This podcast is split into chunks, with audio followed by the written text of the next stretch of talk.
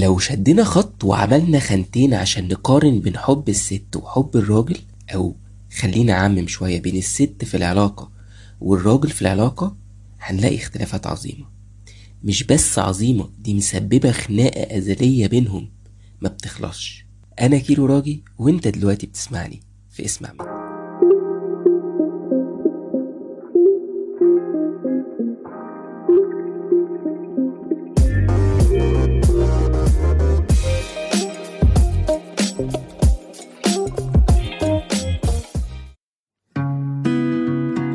بصوا يا جماعة مبدئيا الحلقة دي مقارنة للتوضيح عشان مش عايز بس نفسيات تاني طبيعة تكوين الراجل والست بتخلي فيه اختلافات كبيرة ما بينهم في الطريقة اللي بتشتغل بيها مشاعرهم.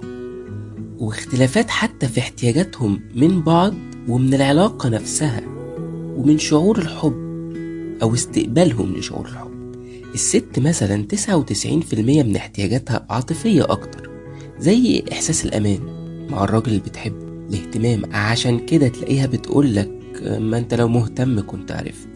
بالمناسبة رغم هزارنا بالجملة دي إلا إنها حقيقية جدا بالنسبة للست.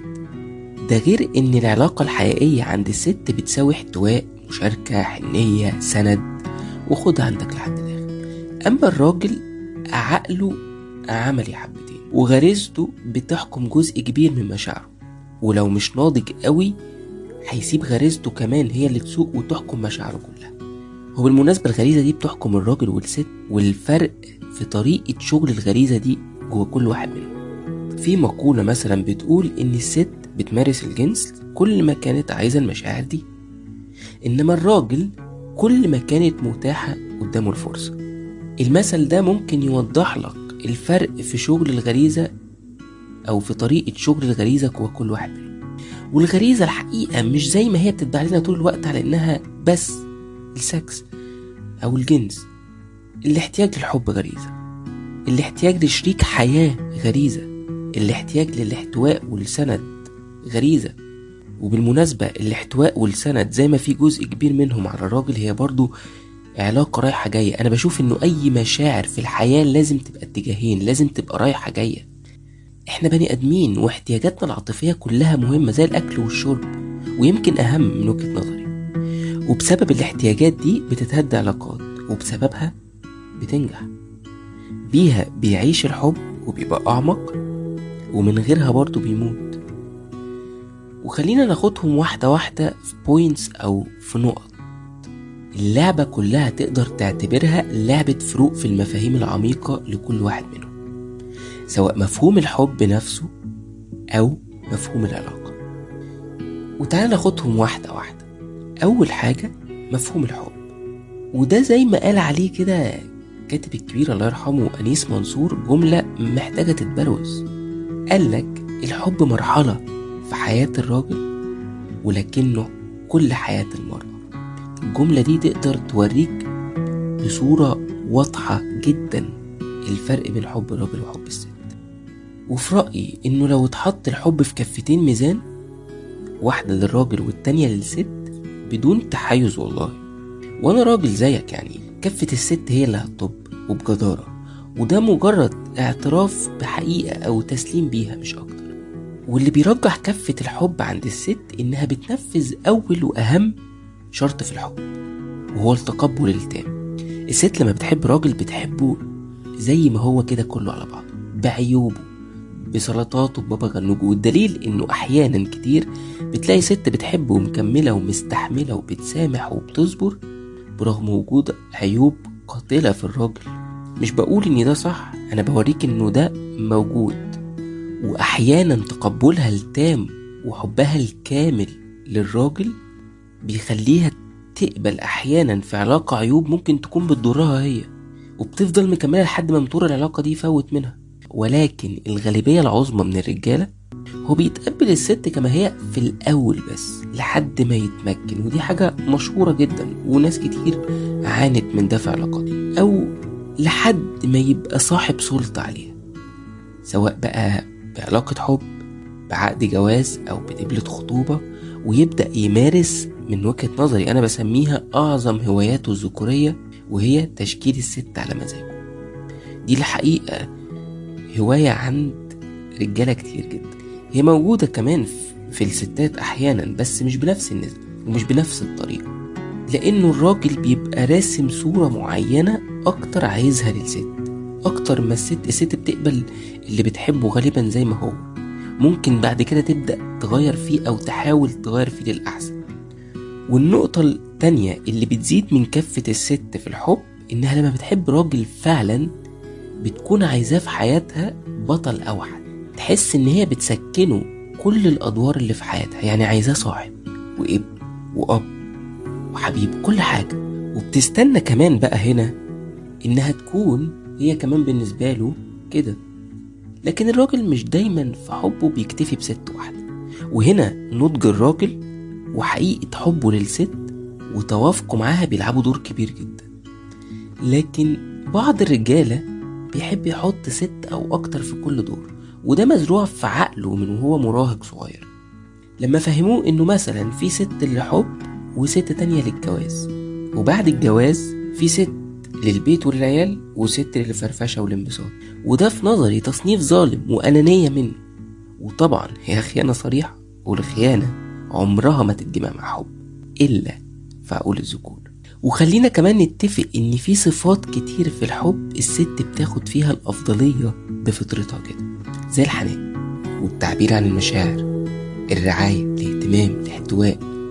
رغم إن المفروض دي تكون صفات متساوية في الطرفين زي ما قلنا في الأول ولكن الراجل لما بيعمل كده بيكون طبع فردي ونضج وتفهم لطبيعة الست وحب منه للست اللي معاه.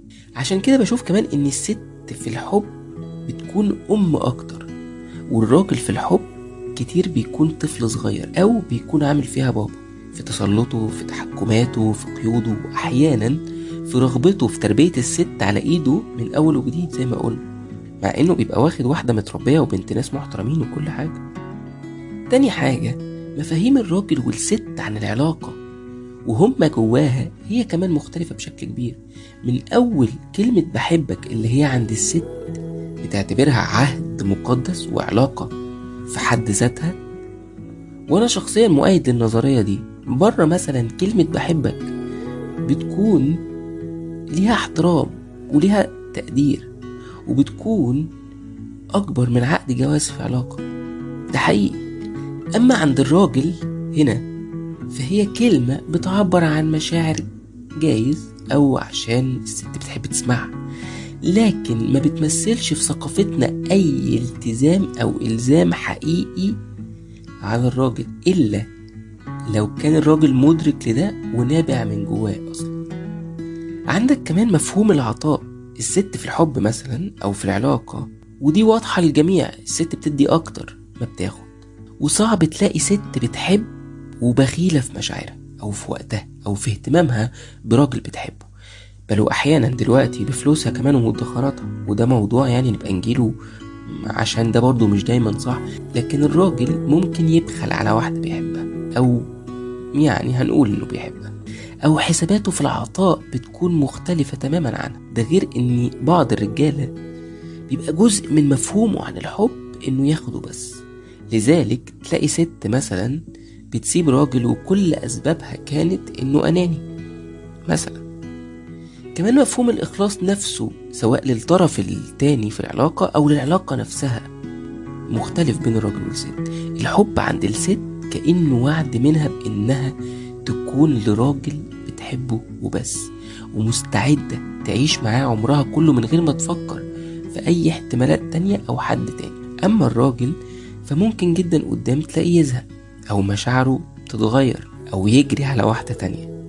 كمان التضحية مختلفة جدا وده تقدر تشوفه واضح جدا في العلاقات حواليك. الست بلا منازع تاخد المركز الأول في تقديم التضحيات والتنازلات الغير مشروطة. في سبيل حبها وفي سبيل نجاح العلاقة مع راجل بتحبه أو عشان حتى تحافظ على بيتها وولادها والست بطبيعتها بتكون باقية أكتر على العلاقة حتى لو على حسابها هي شخصيا تخيل. الراجل ممكن يضحي لكن غالبا تضحياته في أغلب أحوالها بتكون محسوبة وتنازلاته غالبا بتكون مشروطة ولكنه بيشترك مع الست في إنه لو فعلا باقي على العلاقة وبيحبها ممكن يضحي بحاجات كتير ولكن برضه مش بنفس درجة الست. كمان مفهوم تغيير الآخر اللي أنا شرحته في الأول وده مفهوم مشترك بينهم زي ما قلت لكن أحيانا الست بتحب تغير راجل هي بتحبه وغالبا بيكون محاولة تغييرها ليه للأفضل. لكن مش دايما الراجل بيغير الست للأفضل. وأغلبية الحاجات اللي بيحب يغيرها الراجل في الست هي حاجات ليها علاقة بشكل الست من بره بطريقة تعامل الست في مجتمعه مش تغيير جوهري زي ما الست بتحاول تعمل في الراجل. فغالبا بيتحول تغيير الراجل للست لتغيير سلبي أكتر من تغييرها هي ليه كمان من ضمن المفاهيم اللي تلاحظ قوي إنها مختلفة بين الراجل والست هي مفهوم الثقة. الست لما بتحب بتدي للراجل في البداية ثقة مطلقة إلى أن يثبت العكس. ثقة الراجل في الست بتتبني تدريجيا وثقته هو في نفسه بتلعب دور كبير قوي في ثقته في الست. فهو محتاج طول الوقت إنها تثبت له إنها قد الثقة. وده ياخدنا بقى للقضية الكبيرة. أو لمفهوم الخيانة.